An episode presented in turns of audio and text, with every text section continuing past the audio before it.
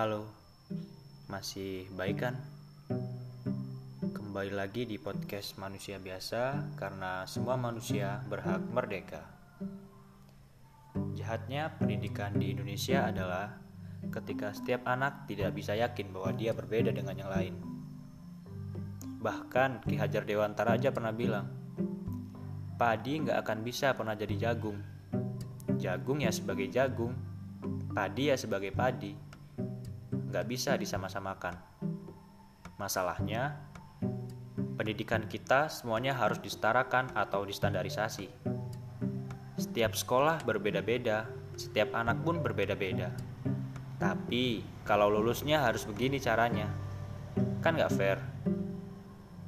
Einstein pernah bilang, setiap anak adalah jenius.